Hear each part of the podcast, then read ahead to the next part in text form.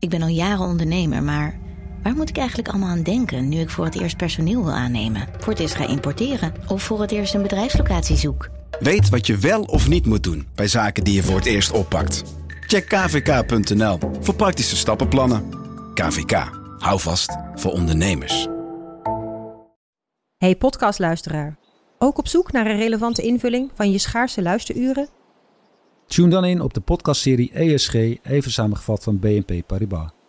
Wij, Marloes en Aldert, spreken daar duurzame voorlopers en wereldverbeteraars. Waarover dan? Nou, bijvoorbeeld of we ooit duurzaam kunnen gaan vliegen. En waarom koeien in de stad nou een goed idee is? Dat en meer elke twee weken in een nieuwe aflevering. Dus abonneer je. ESG, even samengevat.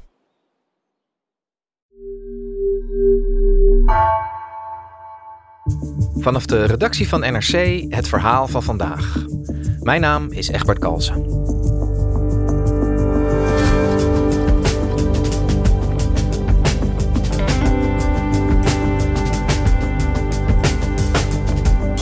Terwijl de politie kampt met een chronisch personeelstekort, verwacht de maatschappij dat ze direct en overal klaar staat. Redacteur Bram Enderdijk sprak uitgebreid met politiemensen door het hele land.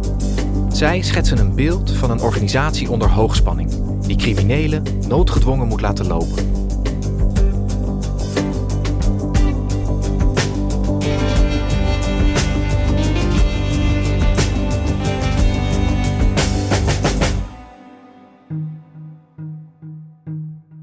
Je ziet hier, er is net iemand aangehouden. En die, eh, ja, je ziet dat hij ook niet helemaal blij is. Daar zijn we ook niet echt van natuurlijk. We zijn niet om mensen blij te maken, maar om eh, de orde te handhaven. De afgelopen maanden zijn mijn collega's Camille Driessen, Wafa Alali en ik ja, bezig geweest met een soort rondtocht langs verschillende Nederlandse politiebureaus door het hele land. We zijn nu op het eh, Zuidplein in Rotterdam. Dat is een eh, politiebureau. En het is een districtsbureau voor het district Zuid. En we spraken daar met Koen Verplakt. En hij is operationeel expert en ook voorzitter van de lokale politiebond. Goed, laten we eerst even naar de cellenganger toe gaan. En Koen die leidde ons rond door zijn politiebureau. En hij liet de cellen zien, de verhoorkamers. Maar er was iets geks aan de hand. Nou, hier zitten de, de wijkagenten, maar die wijkagenten zitten hier niet. Want die zitten op de, op de noodhulp. Dan heb je hier nog, nog meer werkplekken. Nou, ja, zeg het maar. Het is gewoon leeg. Er zit gewoon niemand. Het politiebureau was bijna leeg. En is dat een goed teken, zo'n lege bureau? Ik bedoel, zijn al die agenten dan de straat op om boeven te vangen? Ja, da- dat zou je hopen, maar dat was in dit geval niet het geval. Het had er gewoon mee te maken dat er te weinig mensen zijn. En dat lege bureau is eigenlijk een soort voorbeeld van wat je ziet, wat er gebeurt door de enorme druk waaronder de politie staat. En dan heb je het over een interne druk. En dan gaat het gewoon over te weinig mensen binnen de politie. Maar ook een externe druk. En dan gaat het over de verwachtingen die de maatschappij van diezelfde politie heeft. En dat probleem kwam eigenlijk afgelopen voorjaar voor het eerst echt naar buiten. En dat was in een bericht van de krant De Gelderlander. Dat ging over de eenheid Oost-Nederland.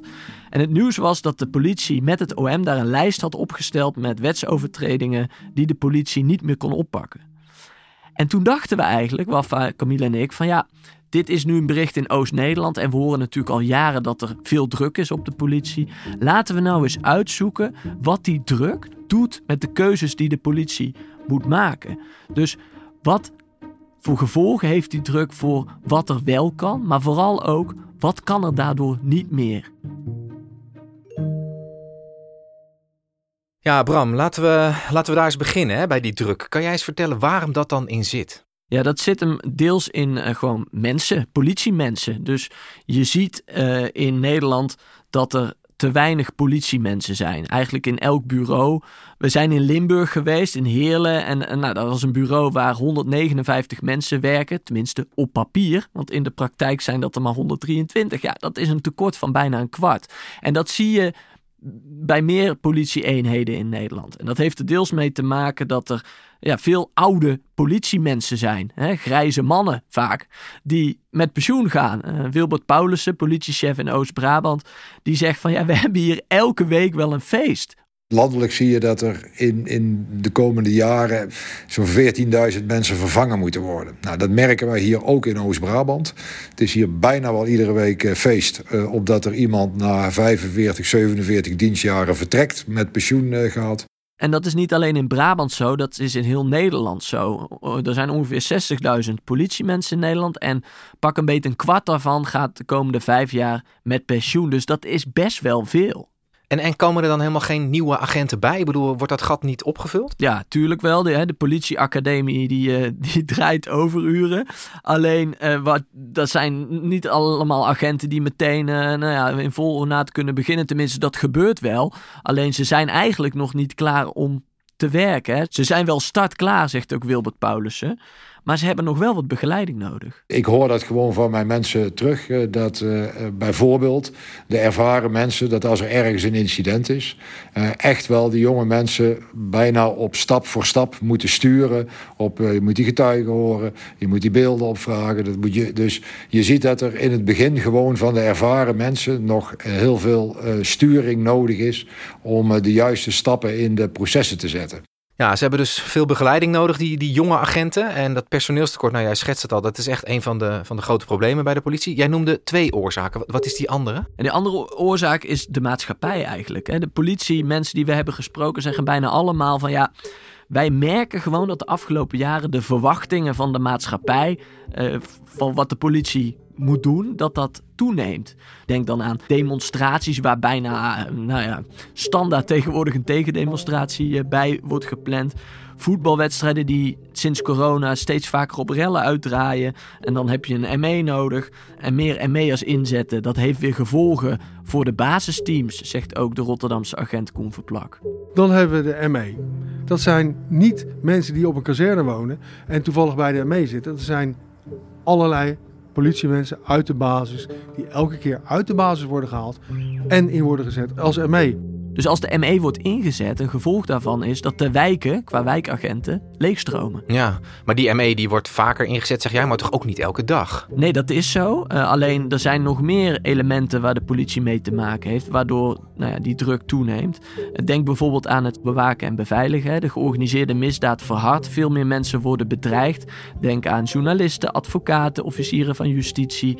En degene die dat dan moeten doen, die die mensen moeten bewaken, dat zijn vaak politiemensen die gewoon uit de reguliere bezetting moeten komen. En dat zien ze ook in Brabant. Dat betekent voor een eenheid als die eh, van mij dat er gewoon 40 mensen nu al vier jaar weg zijn.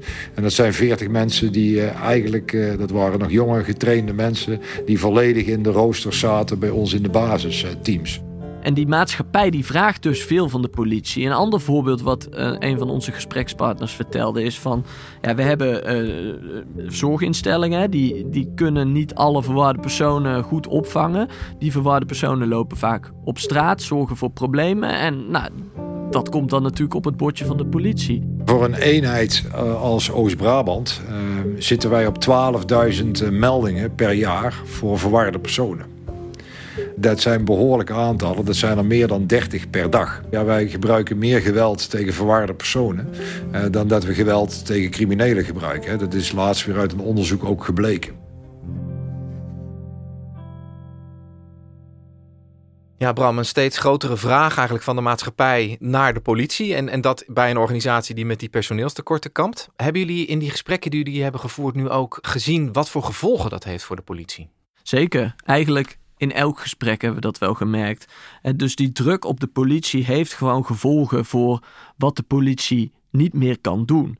Een politieman vertelde ons van wat wij hier gewoon doen is op het moment dat er een, bijvoorbeeld een overval is gepleegd, alleen op het moment dat er meteen genoeg bewijs is, dus bijvoorbeeld DNA en camerabeelden, dan kunnen we hem oppakken. Als dat niet zo is, dan laten we hem lopen omdat we er gewoon geen capaciteit voor hebben. En als we bijvoorbeeld één van de overvallers geïdentificeerd hebben en uh, dat, die, dat die bij ons uh, uh, in het bureau vastzit, dan laten we het daarbij en dan gaan we niet door voor die andere twee. En je kan je voorstellen dat dat voor mensen ja, die bij de politie zijn gegaan om boeven te vangen, om het even plat te zeggen, dat dat best wel pijn doet je hebt een aantal taken als politie. En die taken die kunnen we niet meer naar behoren doen. En op het moment dat je die taken niet meer naar behoren kan doen, dan geeft dat niet ja, dat gevoel van hé, hey, hier ben ik voor bij de politie gekomen. Omdat je mensen wil helpen. Je wil eh, criminaliteit wil je bestrijden. En dat zijn wel de dingen waarvoor wij uh, hier in Nederland aan het werk zijn door die druk zie je dat bepaalde zaken blijven liggen. Denk bijvoorbeeld aan wat we de laatste maanden heel veel horen: hè? Die, die explosieven die aan deuren worden gehangen. Nou ja, wat veel uh, politiemensen zeggen die we hebben gesproken: van ze komen eigenlijk alleen toe aan degene die dat daar aan de deur heeft gehangen. Terwijl uh, een ook hele belangrijke vraag natuurlijk is: in opdracht van wie en wat zit daarachter? Maar daar komen ze vaak niet aan toe. Wat we zelfs hoorden was uh, in Noord-Holland over uh, automobilisten met drank op. Hè. De teamchef vertelde daar over een auto, één auto die er was voor surveillance en voor spoedmeldingen. En, en nou, als ze dan een auto zien waarvan ze het idee hebben, misschien zit daar wel iemand in die te veel heeft gedronken, dat die dan soms niet aan de kant wordt gezet, omdat ze dan weten, ja, dan is die auto van de straat, want dan ben je weer twee uur op het politiebureau. Ja, maar je voelt dat misgaan, want als die persoon doorrijdt en die veroorzaakt een ongeluk, dan ben je nog veel verder van huis. Kijk, dit is niet iets wat dan met, vol met trots aan ons wordt verteld natuurlijk. Dat doet pijn. Alleen het laat volgens mij zien dat de situatie nu dusdanig is dat de keuzes die worden gemaakt in het veld bij de mensen die het moeten doen, ja, dat ze denken: oh, eigenlijk kan dit niet meer. Maar ja, het is wat het is. Ja. Hey, en Bram, de kranten die staan ook uh, vol van, uh, van drugscriminaliteit. Hè? Echt een groeiend probleem uh, in, in heel Nederland volgens mij. Hebben deze problemen bij de politie nou ook gevolgen voor, voor die categorie criminaliteit? Dat hebben we wel gehoord in die gesprekken. Ik zal een voorbeeld geven. Uh, in Oost-Brabant, nou ja, onder de rivieren, is het drugslab, is, uh, produceren, ik wil niet zeggen, is, is, is de provinciale hobby, maar dat is wel iets wat daar veel gebeurt hè, in Brabant. Um, en de eenheidscoördinator die vertelt daarvan, nou ja, als er dus een lab wordt gevonden, kom ik bijna nooit toe aan uit te zoeken wie daarachter zit. Hè. Dus daar staan een paar laboranten in. Nou ja, die kunnen ze vervolgen, omdat die daar staan en die treffen ze daar aan. Maar ze willen eigenlijk een, een, slag dieper van welke organisatie zit erachter? Wie is de baas van zo'n lab? En daar komt ze bijna niet aan toe. Uh, maar het heeft ook te maken met het in de kiem smoren hè, van deze criminaliteit. Je kan je voorstellen dat alle grote beroepscriminelen die, die we nu allemaal kennen bij naam, die waren ooit kleine dealertjes in een wijk. Er is bijvoorbeeld overlast van dealen. Je gaat erheen, je komt een ventje tegen, die heeft een eh, kleine hoeveelheid bij zich.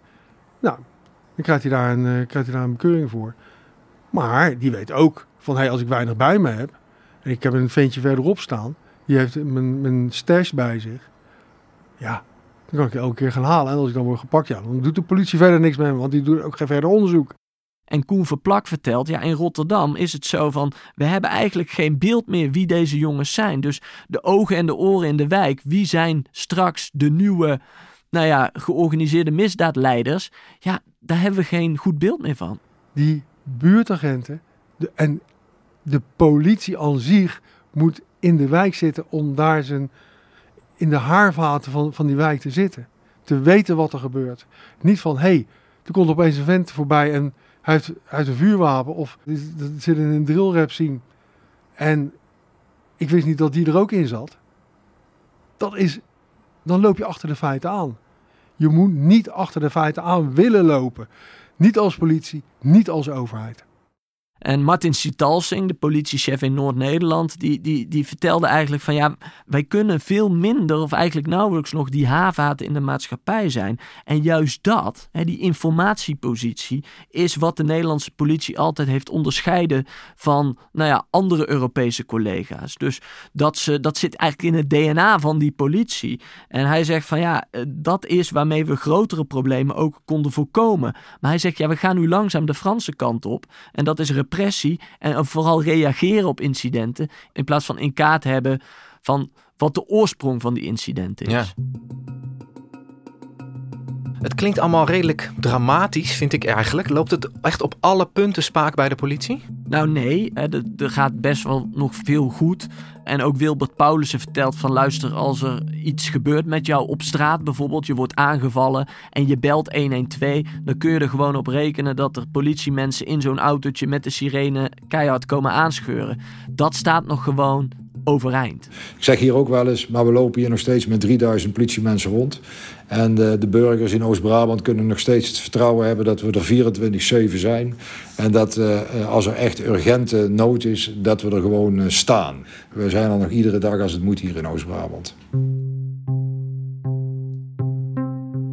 Wat er eigenlijk gebeurt, is dat de urgentie het bij de politie wint van de importantie. Met andere woorden, er gebeurt heel veel waarop de politie eigenlijk niet anders kan dan erop acteren. Hè? Dan heb je natuurlijk over een, een democratie die ondermijnd wordt door dat er advocaten en journalisten worden doodgeschoten. Dan heb je het over een voetbalwedstrijd. Ja, als je niet bij Ajax Feyenoord staat, ja, dan staan alle talkshows vol van waar was de politie. Dan heb je het over demonstraties. Ik bedoel, ja, als, als uh, Extinction Rebellion elke dag een weg blokkeert en ze worden niet weggehaald, dan, dan weet jij ook wat er gebeurt. Dus er zijn heel veel dingen waar de politie nu op moet reageren.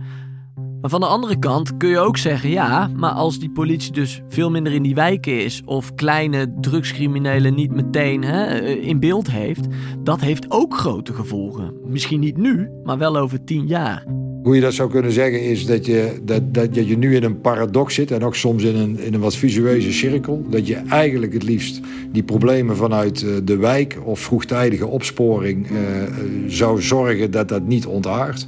Maar omdat je getrokken wordt naar die grote incidenten, uh, die voor een deel daaruit ook ontstaan, dat je er geen tijd voor hebt om het projectmatig aan te pakken. Dus ja, dan bijt je jezelf eigenlijk de hele tijd in de staart. En Bram, een beetje een lastige vraag misschien, maar hoe zouden we dit probleem bij de politie kunnen oplossen, denk jij? Ja, je voelt hem al aankomen. Hè? het is natuurlijk ook verkiezingstijd. Kijk, geld wordt dan altijd geroepen. En nu ook. Hè? De korpsleiding zegt van nou, we hebben meer geld nodig bijvoorbeeld voor wijkagenten. Maar ook voor het verder opleiden van agenten. Maar ik denk dat je, dat, dat ook een te simpel antwoord is. Wat ook zo is, is dat verschillende politiemensen, waaronder Wilbert Paulussen, zeggen van ja, wat we gewoon moeten gaan doen, is proberen om bepaalde dingen op te laten pakken door andere instanties. dus dan heb je het over samenwerken met BOA's, straatcoaches, horecacoaches. Die kunnen bijvoorbeeld wijkgerichte taken overnemen. Wij zetten op dit moment veel in op uh, samenwerken. Want hoe een burgemeester omgaat met voetbalwedstrijden... dat kan uh, echt uh, soms een sectie of een peloton aan meeschelen. want uiteindelijk, als je dat soort dingen niet doet... dan is de vraag naar politie is oneindig. Als je er dan morgen hier 100 bij zet...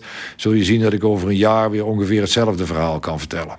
En er zijn ook eenheden die nou ja, best wel creatief omgaan met de keuzes die ze moeten maken. We hoorden voorbeelden van triagetafels. En er wordt er gewoon gekozen, eigenlijk net als in de medische wereld, van wat is nu relevant om te doen of het relevantst. Eh, en we begonnen het gesprek natuurlijk eh, met de situatie in Oost-Nederland. En daar zeggen ze van we moeten eigenlijk nog scherper kiezen op basis van welke impact heeft de inzet van de politie. Hè? En dat betekent onder meer dat niet al het strafbare gedrag automatisch moet worden vervolgd door de politie. En ze geven daar het voorbeeld van hennenplantages, die bijvoorbeeld worden gevonden bij mensen die heel veel schulden hebben.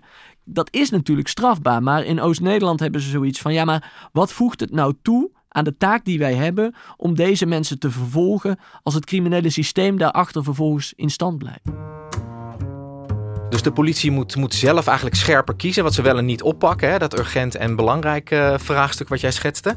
Tegelijkertijd, je zou ook kunnen zeggen dat misschien de verwachtingen die de maatschappij heeft van de politie ook niet meer helemaal kloppen. Die moeten misschien ook wel veranderen. Ik denk dat dat een deel van het verhaal is inderdaad. Kijk, aan de ene kant komen er gewoon nieuwe agenten aan. En dat ziet ook Wilbert Paulus, hè, de politiechef in Brabant, die, die zegt van ja, ik kijk naar de politieopleiding en die loopt gewoon goed. De opleiding op dit moment die krijgen we nog behoorlijk goed gevuld. Er worden meer dan 2000 mensen per jaar opgeleid. De opleiding is aangepast om dit allemaal mogelijk eh, te maken. Dus het perspectief is dat uh, richting 2006 dat wij weer op onze uh, normale sterkte terechtkomen. Maar we zitten nog wel een tijdje in deze situatie. We hebben ook Henk van Essen gesproken, de korpschef van de nationale politie, laten reageren op dit verhaal. Eh, en hij zegt ook van ja, deze situatie gaat nog wel drie tot vier jaar duren. En de gevolgen daarvan, ja, die zullen in de maatschappij worden gevoeld. want het betekent gewoon dat we altijd moeten kiezen. En wat je aan de ene kant wel kan doen, bijvoorbeeld bij Ajax Feyenoord staan, heeft weer gevolgen wat je niet kan doen. Bijvoorbeeld in de wijk heel goed actief zijn en ogen en oren hebben. Zo simpel is de situatie nu. We moeten kiezen en elke keuze die we aan de ene kant maken om iets wel te doen, doet aan de andere kant pijn omdat we iets niet meer kunnen doen.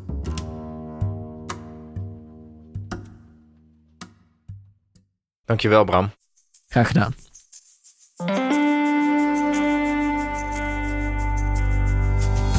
Je luisterde naar vandaag, een podcast van NRC. Eén verhaal, elke dag.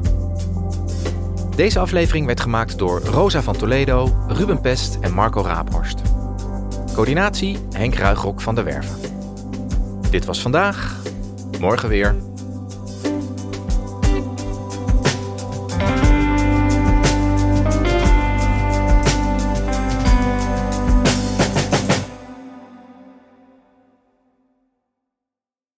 Technologie lijkt tegenwoordig het antwoord op iedere uitdaging. Bij PwC zien we dit anders. Als we de potentie van technologie willen benutten, kunnen we niet zonder een menselijk perspectief. Human-led, tech-powered noemen we dat. Ga naar pwc.nl.